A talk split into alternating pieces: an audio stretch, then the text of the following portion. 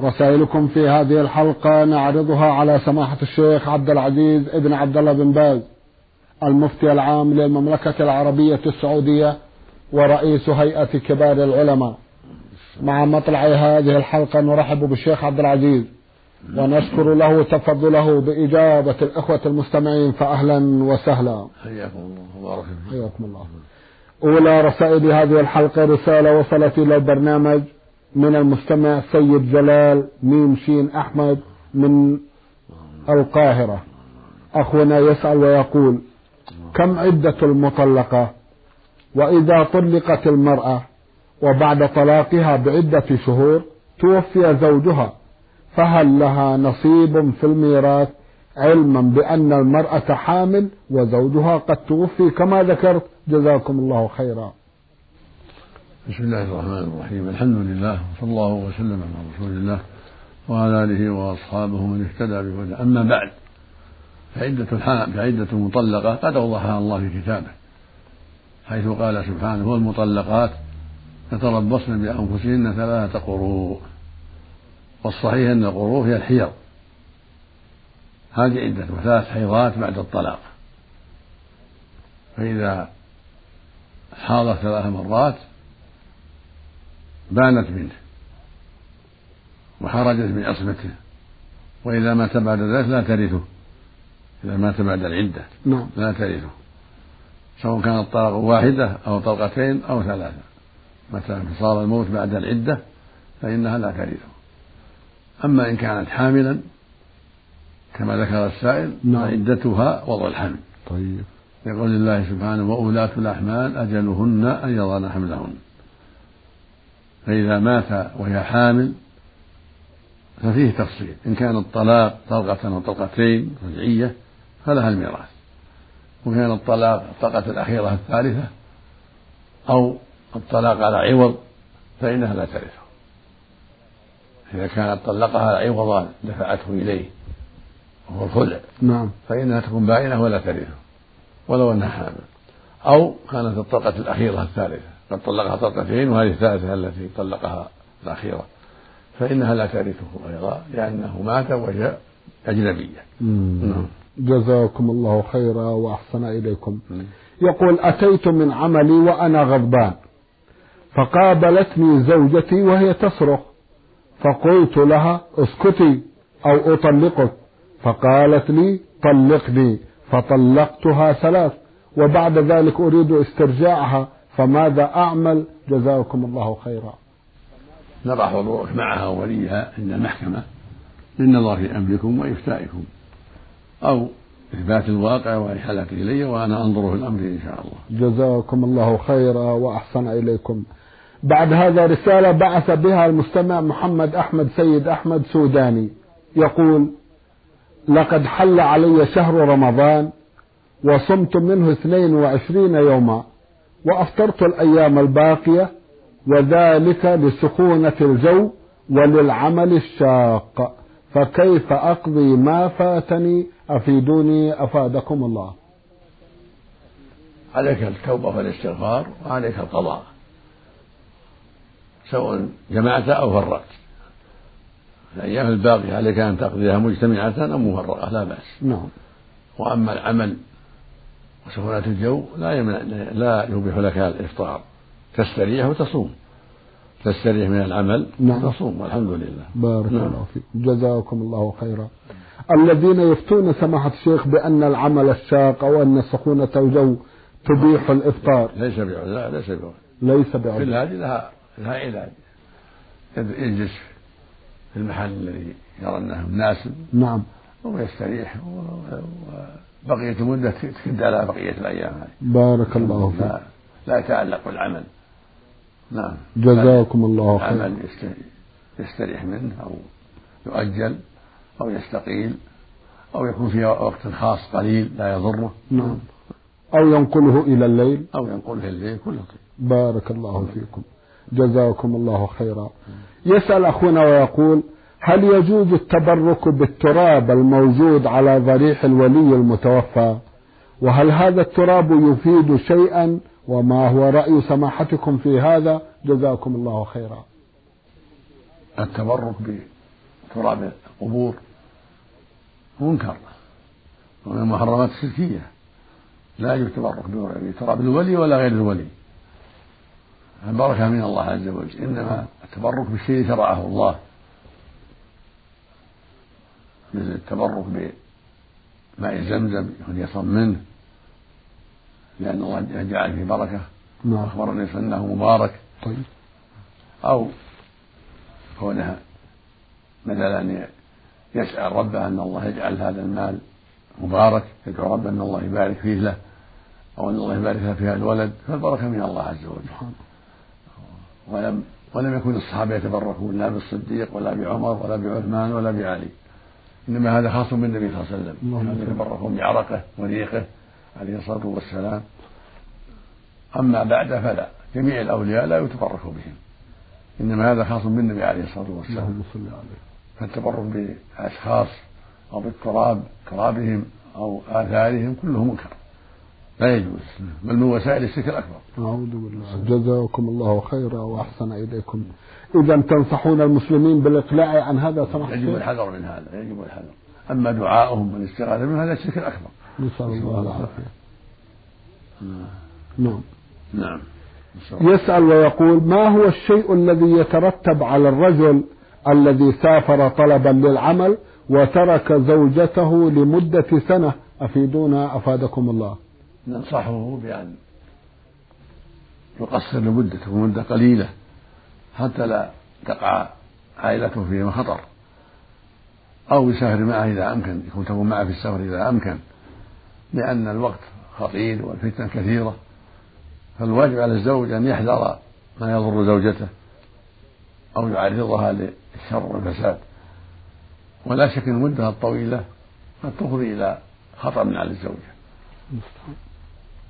ثم أيضا هي محتاجة إلى زوجها كما أنه محتاج إليها فقد يقع في الخطر هو لطول المدة فقد تقع هي في الخطر. فالنصيحة ألا يطول بل يتردد بين عمله وبين زوجته. ثلاثة أشهر شهرين أربعة أشهر. وكان عمر رضي الله عنه قال وقت وقت للمجاهدين ستة أشهر. نعم. المرابطين ولكن في الوقت الحاضر الوقت أخطر والستة طويلة فينبغي للعاقل أن يحذر أسباب الفتنة على نفسه وعلى زوجته وأن تكون مدة قصيرة حذرا من أسباب الفتنة. نعم. جزاكم الله خيرا وأحسن إليكم. يسأل ويقول ما هو رأي سماحتكم في تعليق السور القرآنية على الحائط؟ اذا علقها للفائده يقراها الانسان ذكر بالقراءه أو أو علق أحاديث أو كلام طيب لا بأس. أما إذا يعلقها كحرز هذا لا يجوز. جزاكم الله خيرا وأحسن إليكم. بعد هذا ننتقل إلى المملكة الأردنية الهاشمية عبر رسالة بعث بها أحد الإخوة المستمعين يقول المرسل سلمان. يسأل ويقول شخص يقصر في صلاته. هل يجوز أن يكون إماما للمقيمين؟ جزاكم الله خيرا. وإذا حصل هذا فهل له أن يقول أتموا صلاتكم فإني أقصر الصلاة؟ لا حرج في ذلك. إذا صلى بهم وهو مسافر يصلي اثنتين ويقول لهم عند الإحرام أتموا. أو إذا سلم يقول أتموا. كما روي عن النبي صلى الله عليه وسلم أنه فعل ذلك في عام الفتح. وإن أتم بهم فلا حرج. إن صلى بهم أربعا ولو كان مسافرا فلا حرج. الحمد لله. فقد أتم عثمان بالناس في آخر خلافته في حجاته الأخيرة رضي الله عنه وأرضاه. فالمقصود أنه إن آتم به فلا بأس وإن صلى باثنتين وقال أتم كله طيب كله حسن. بارك الله فيكم جزاكم الله خيرا. يقول أميت جماعة في رمضان فهل يجوز أن آخذ منهم أجرة مقابل ذلك؟ إذ أنهم أصروا على أن آخذ تلك الأجرة وقلت هذا عمل أتقرب به إلى الله لكنهم أصروا. فما هو رأي سماحتكم؟ جزاكم الله خيرا. إن أخذته فلا بأس وإن تركته فلا بأس. الأمر واسع. الأمر واسع. وإن تركته فهو أفضل. ما دمت ما, ما أردت شيئا إن تركته فهو أفضل. وإن أخذته فلا حرج إن شاء الله. جزاكم الله خيرا. رسالة بعث بها المستمع عبد الحميد برعي مصري الجنسية يقول أنا بلغت من العمر السادسة والعشرين وكنت تاركا للصلاة أقوم أحيانا وأترك أحيانا. ولما سافرت إلى المملكة هنا وسمعت برنامج نور على الدرب وسمعت فيه بأن تارك الصلاة كافر عدت والحمد لله أقوم بالصلاة المفروضة في أوقاتها لكني أسأل عما فات من عمري كيف يكون حالي؟ جزاكم الله خيرا. هل يلزمني القضاء أم تكفي التوبة؟ وجهوني جزاكم الله خيرا. الحمد لله الذي هداك الحمد لله. ووفقك للعودة إلى الخير والمحافظة على الصلاة. نسأل الله لنا ولك الثبات على الحق. أما الماضي فتكفي التوبة والحمد لله. الحمد لله. الماضي تكفي التوبة. لأن الله سبحانه يقول وإني لغفار لمن تاب وآمن وعمل صالحا ثم اهتدى. ويقول النبي صلى الله عليه وسلم التوبة تهدم ما كان قبلها. ويقول عليه الصلاة والسلام التائب من الذنب كمن لا ذنب له. نسأل الله أن يمن على الجميع بالتوبة الصادقة النصوح. اللهم آمين. جزاكم الله خيرا. بعد هذا رسالة بعث بها المستمع جابر عبد الفراج يقول إني أعمل في مزرعة وأقوم بجميع الصلوات الخمس في مواعيدها إلا المغرب. فبعض الأيام تفوتني صلاة المغرب مع الجماعة بسبب ظرف عملي لأنه لم ينتهي إلا قبل العشاء بنصف ساعة يعني بعدما أنتهي من صلاة المغرب يحين موعد أذان العشاء. فهل علي إثم في ذلك؟ جزاكم الله خيرا. نعم إذا كنت إذا كنت في قربك جماعة يلزمك أن تصلي مع الجماعة. أما إذا كنت وحدك ما عندك أحد فلا إثم عليك. لكن فاتك الأفضل. الأفضل أن تؤديها في أول الوقت. الأفضل أن تؤديها في أول الوقت. وإذا أديتها في آخر الوقت قبل غروب الشفق فلا شيء عليك. والحمد لله. أما إذا وجدت جماعة مسجد حولك أو جماعة فإنه يجب عليكم تصلي معهم جزاكم الله خيرا وأحسن إليكم المستمع صلاح عبد الحميد مصطفى يسأل ويقول سمعت من بعض الناس أن العمرة لا تجوز لمن هو متوفى فهل ما قيل صحيح؟ ليس بصحيح. إذا كان متوفى مسلما فإن العمرة مشروعة. الحمد لله. كما كالحج إذا اعتمرت عن أخيك الميت أو أبيك أو حججت عنه فأنت مأجور إن شاء الله. نعم. جزاكم الله خيرا. يسأل ويقول إذا كان لدي مال فهل يجوز أن أصرف زكاته في بناء مسجد أو لا بد من صرفها على الفقراء؟ جزاكم الله خيرا. الزكاة لا تصرف في عمارة المساجد والمدارس ولكن تصرف في الأصناف الثمانية. المذكورة في قوله تعالى إنما الصدقات للفقراء والمساكين والعاملين عليها والمؤلفة قلوبهم وفي الرقاب والغارمين وفي سبيل الله وابن السبيل فريضة من الله. والله عليم حكيم. فأنت يا أخي اصرفها في الفقراء والمساكين والحمد لله. الحمد لله. جزاكم الله خيرا وأحسن إليكم. أيضا يسأل عن الغياب عن الزوجة سماحة الشيخ فيقول سمعت من بعض الناس أن الذي يغيب عن زوجته لمدة سنة تكون زوجته طالق وأن هذا غير جائز فما هو توجيه سماحتكم؟ جزاكم الله خيرا. لا لا تطلق بغيبته. لا تطلق زوجته بغيبته ولكن يشرع له أن يراعي الأوقات المناسبة وألا يطول غيبه لأن طول الغيبة قد تسبب مشاكل كثيرة عليه وعليها. والإنسان عرضة للفتنة الرجل والمرأة. فالمشروع لك يا أخي أن لا تطول غيبه.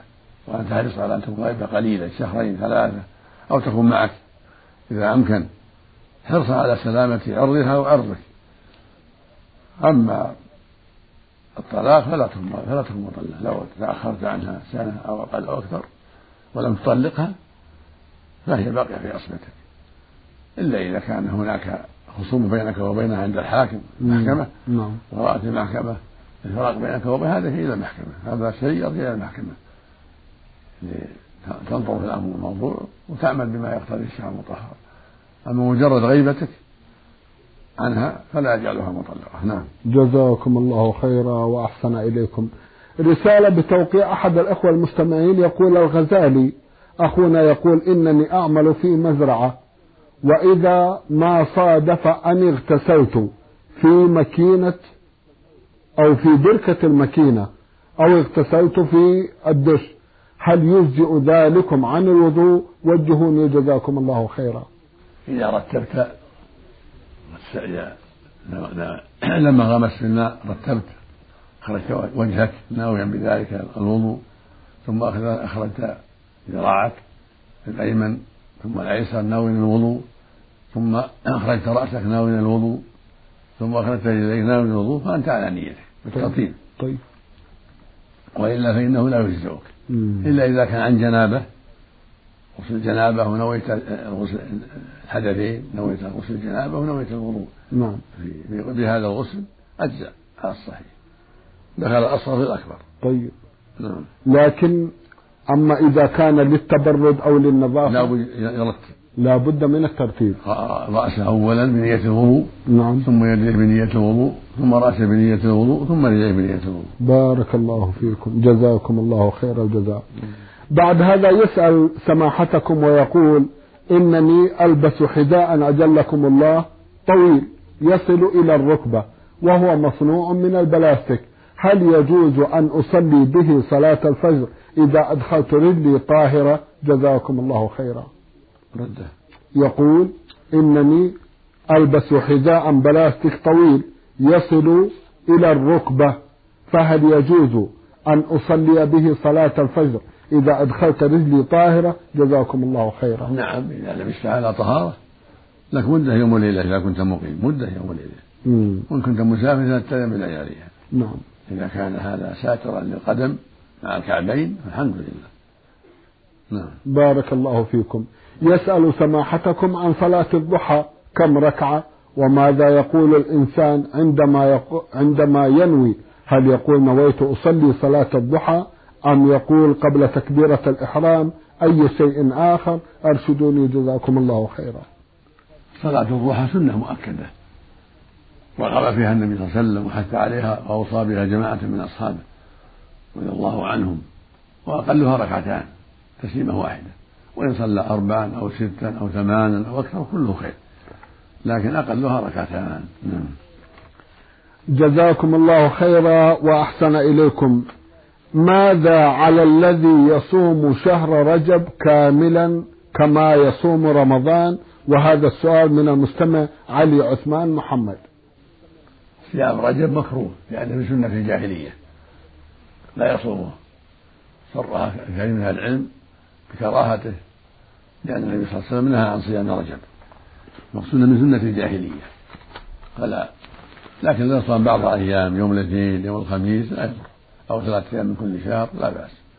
أما يتعمد صيامه فهذا مكروه. بارك الله فيكم رسالة من الظهران وبعث بها المستمع سعد القحطاني. يسأل ويقول هل تجوز كتابة شعر الغزل؟ أو هل تجوز قراءته؟ وما هو ميزان العفة في الشرع؟ جزاكم الله خيرا. كل شعر يدعو إلى الفواحش والمنكر سمي غزل أو غير غزل أو يدعو إلى شيء المحرمات لا تجوز كتابته ولا قراءته على الناس ولا الاشتغال به لأنه مما يصد عن سبيل الله ومما يشجع على الفاحشة. نعم. ومن لهم الحديث المنكر الذي ذمه الله وعابه في قوله سبحانه ومن الناس من يشتري له الحديث وضل عن سبيل الله بغير علم.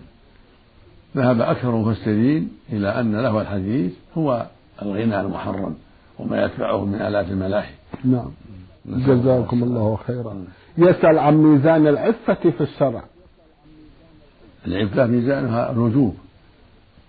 يجب على المؤمن أن يعف عما حرم الله عليه وجوبا عن الزنا والخمر وجميع المعاصي. هذا هذا ميزانه الشرع. الوجوب الوجوب الكف عما حرم الله. الله جل وعلا أوجب على عباده أن يكفوا عن محارم الله وأن يؤدوا فرائض الله سبحانه وتعالى. فعلى العبد أن يؤدي الفرائض ويجتنب المحارم. يقول الله جل وعلا وما آتاكم الرسول خذوه وما نهاكم عنه فانتهوا. ويقول سبحانه ولا تقربوا الفواحش ما ظهر منها بطن. يعني المعاصي. نعم. نعم. جزاكم الله خيرا. هل يجوز التكسب من الشعر؟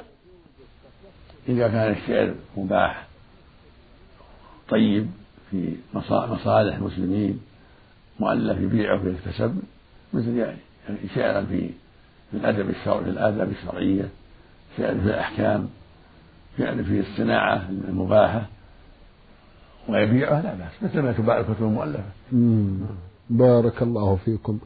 كيف يحاسب الإنسان على أمور لا يملكها مثل الكره؟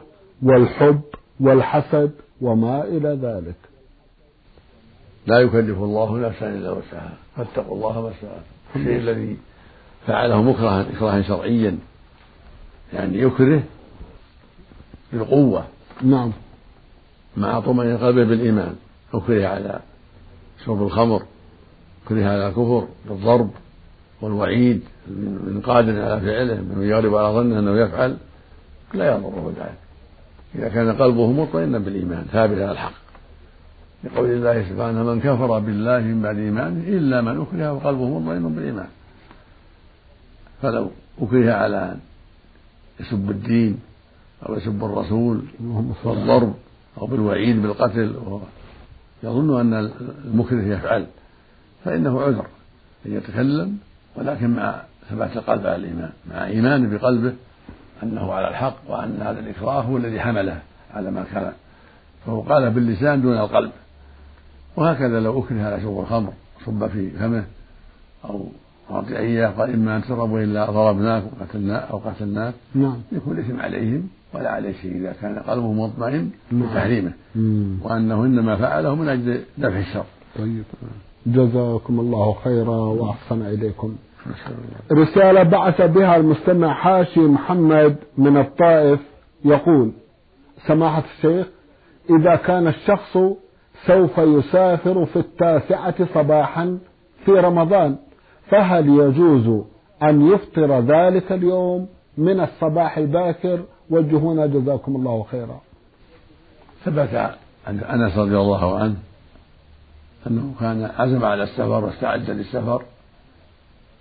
ولبس ثياب السفر فأكل قبل أن يسافر فسأله بعض أصحابه هل هذا سنة؟ فقال نعم سنة.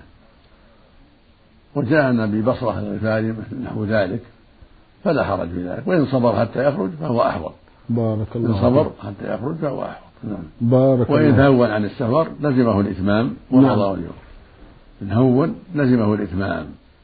يعني لزمه أن يتم الصيام ويقضي اليوم الذي افطر فيه. بارك الله فيكم. جزاكم الله خيرا.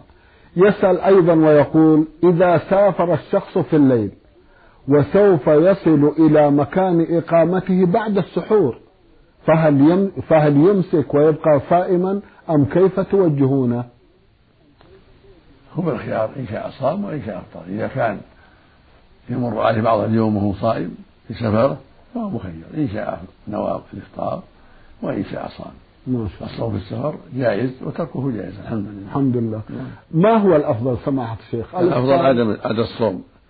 عدم إلا إذا كان يصل البلد الفجر فالأفضل نية الصوم. بارك الله لأن فيك. قد لأن ما ما, ما, ما عنده شيء من الوقت. نعم. إلا قليل. نعم نعم. لكن قد يتأخر إذا صام لأن نوى الفطر. قد يتأخر في السفر قد يعرض عارض.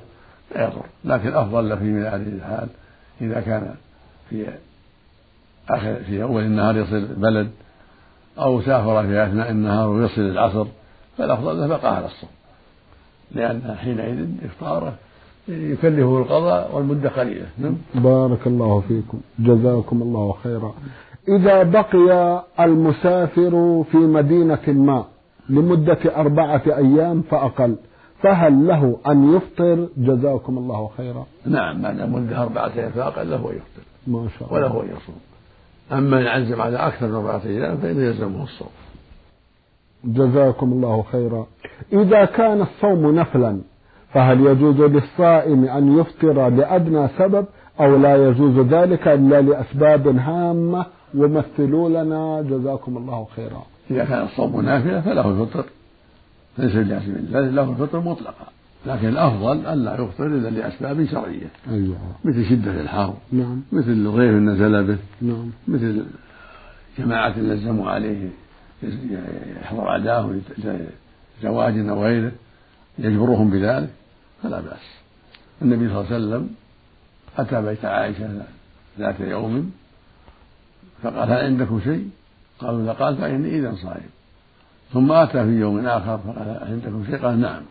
فقربوا إليه فأكل وقال قد أصبحت صائما فأكل عليه الصلاة والسلام. اللهم صل وسلم. فالأمر فيه مساعة ما شاء لكن الله الأفضل له أن يتم الصوم إذا كان ما هناك سبب واضح.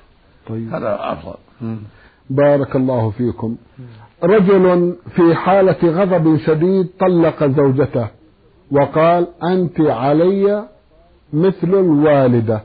وبعد فترة استرجعها فهل ما فعله صحيح؟ جزاكم الله خيرا. يراجع المحكمة وتنظر المحكمة. في نعم موضوعها أو يراجعنا وننظر في الأمر إن شاء الله. بارك. يحتاج إلى معرفة. حال ما لدى المرأة وما لدى وليها؟ وكيفية الواقع؟ يحتاج إلى نظر. جزاكم الله خيرا وأحسن إليكم. بعد هذا رسالة بعث بها المستمع عز الدين حسن يقول فسروا لنا قول الحق تبارك وتعالى عبس وتولى أن جاءه الأعمى وما يدريك لعله يزكى. هذه الآية تفسيرها ظاهر واضح. وهي لها سبب نعم. النبي صلى الله عليه وسلم كان مشغولا ببعض كبار قريش في مكة قبل الهجرة. رجاء أن يسلموا ويهديهم الله لينتفع بهم المسلمون. وكان لديه ابن أم مكتوم. فحصل من النبي صلى الله عليه وسلم بعض الإعراض عنه مش- مشغولا بهؤلاء الجماعة فعاتبه الله في ذلك. اللهم صل. والأمر واضح. نعم. بارك يحتاج الله تفسير. فيك. نعم. بارك الله فيكم. أيضا تسأل تفسير قول الله تعالى ذرني ومن خلقت وحيدا وجعلت له مالا ممدودا وبنين شهودا ومهدت له تمهيدا ثم يطمع أن أزيد كلا إنه كان لآياتنا عنيدا. المشهور عند المسلمين أن هذا نزل أن هذه الآيات نزلت في الوليد بن المغيرة. نعم. وكان من كبار الكفار ومن صناديدهم. وهذا وعيد من الله ذرني وهذا هذا وعيد من الله. لهذا الرجل إذا استمر على كفره وضلاله نعوذ بالله. نعم. جزاكم الله خيرا وأحسن إليكم سماحة الشيخ في ختام هذا اللقاء. أتوجه لكم بالشكر الجزيل بعد شكر الله سبحانه وتعالى. على تفضلكم بإجابة الإخوة المستمعين. وآمل أن يتجدد اللقاء وأنتم على خير. نرجو ذلك. اللهم آمين. مستمعي الكرام كان لقاؤنا في هذه الحلقة مع سماحة الشيخ عبد العزيز ابن عبد الله بن باز المفتي العام للمملكة العربية السعودية ورئيس هيئة كبار العلماء. شكرا لسماحة الشيخ. وأنتم يا مستمعي الكرام شكرا لحسن متابعتكم. ونحن نرحب برسائلكم على عنوان البرنامج. المملكة العربية السعودية الرياض الإذاعة برنامج نور على الدرب. مرة أخرى شكرا لكم مستمعي الكرام وإلى الملتقى. وسلام الله عليكم ورحمته وبركاته.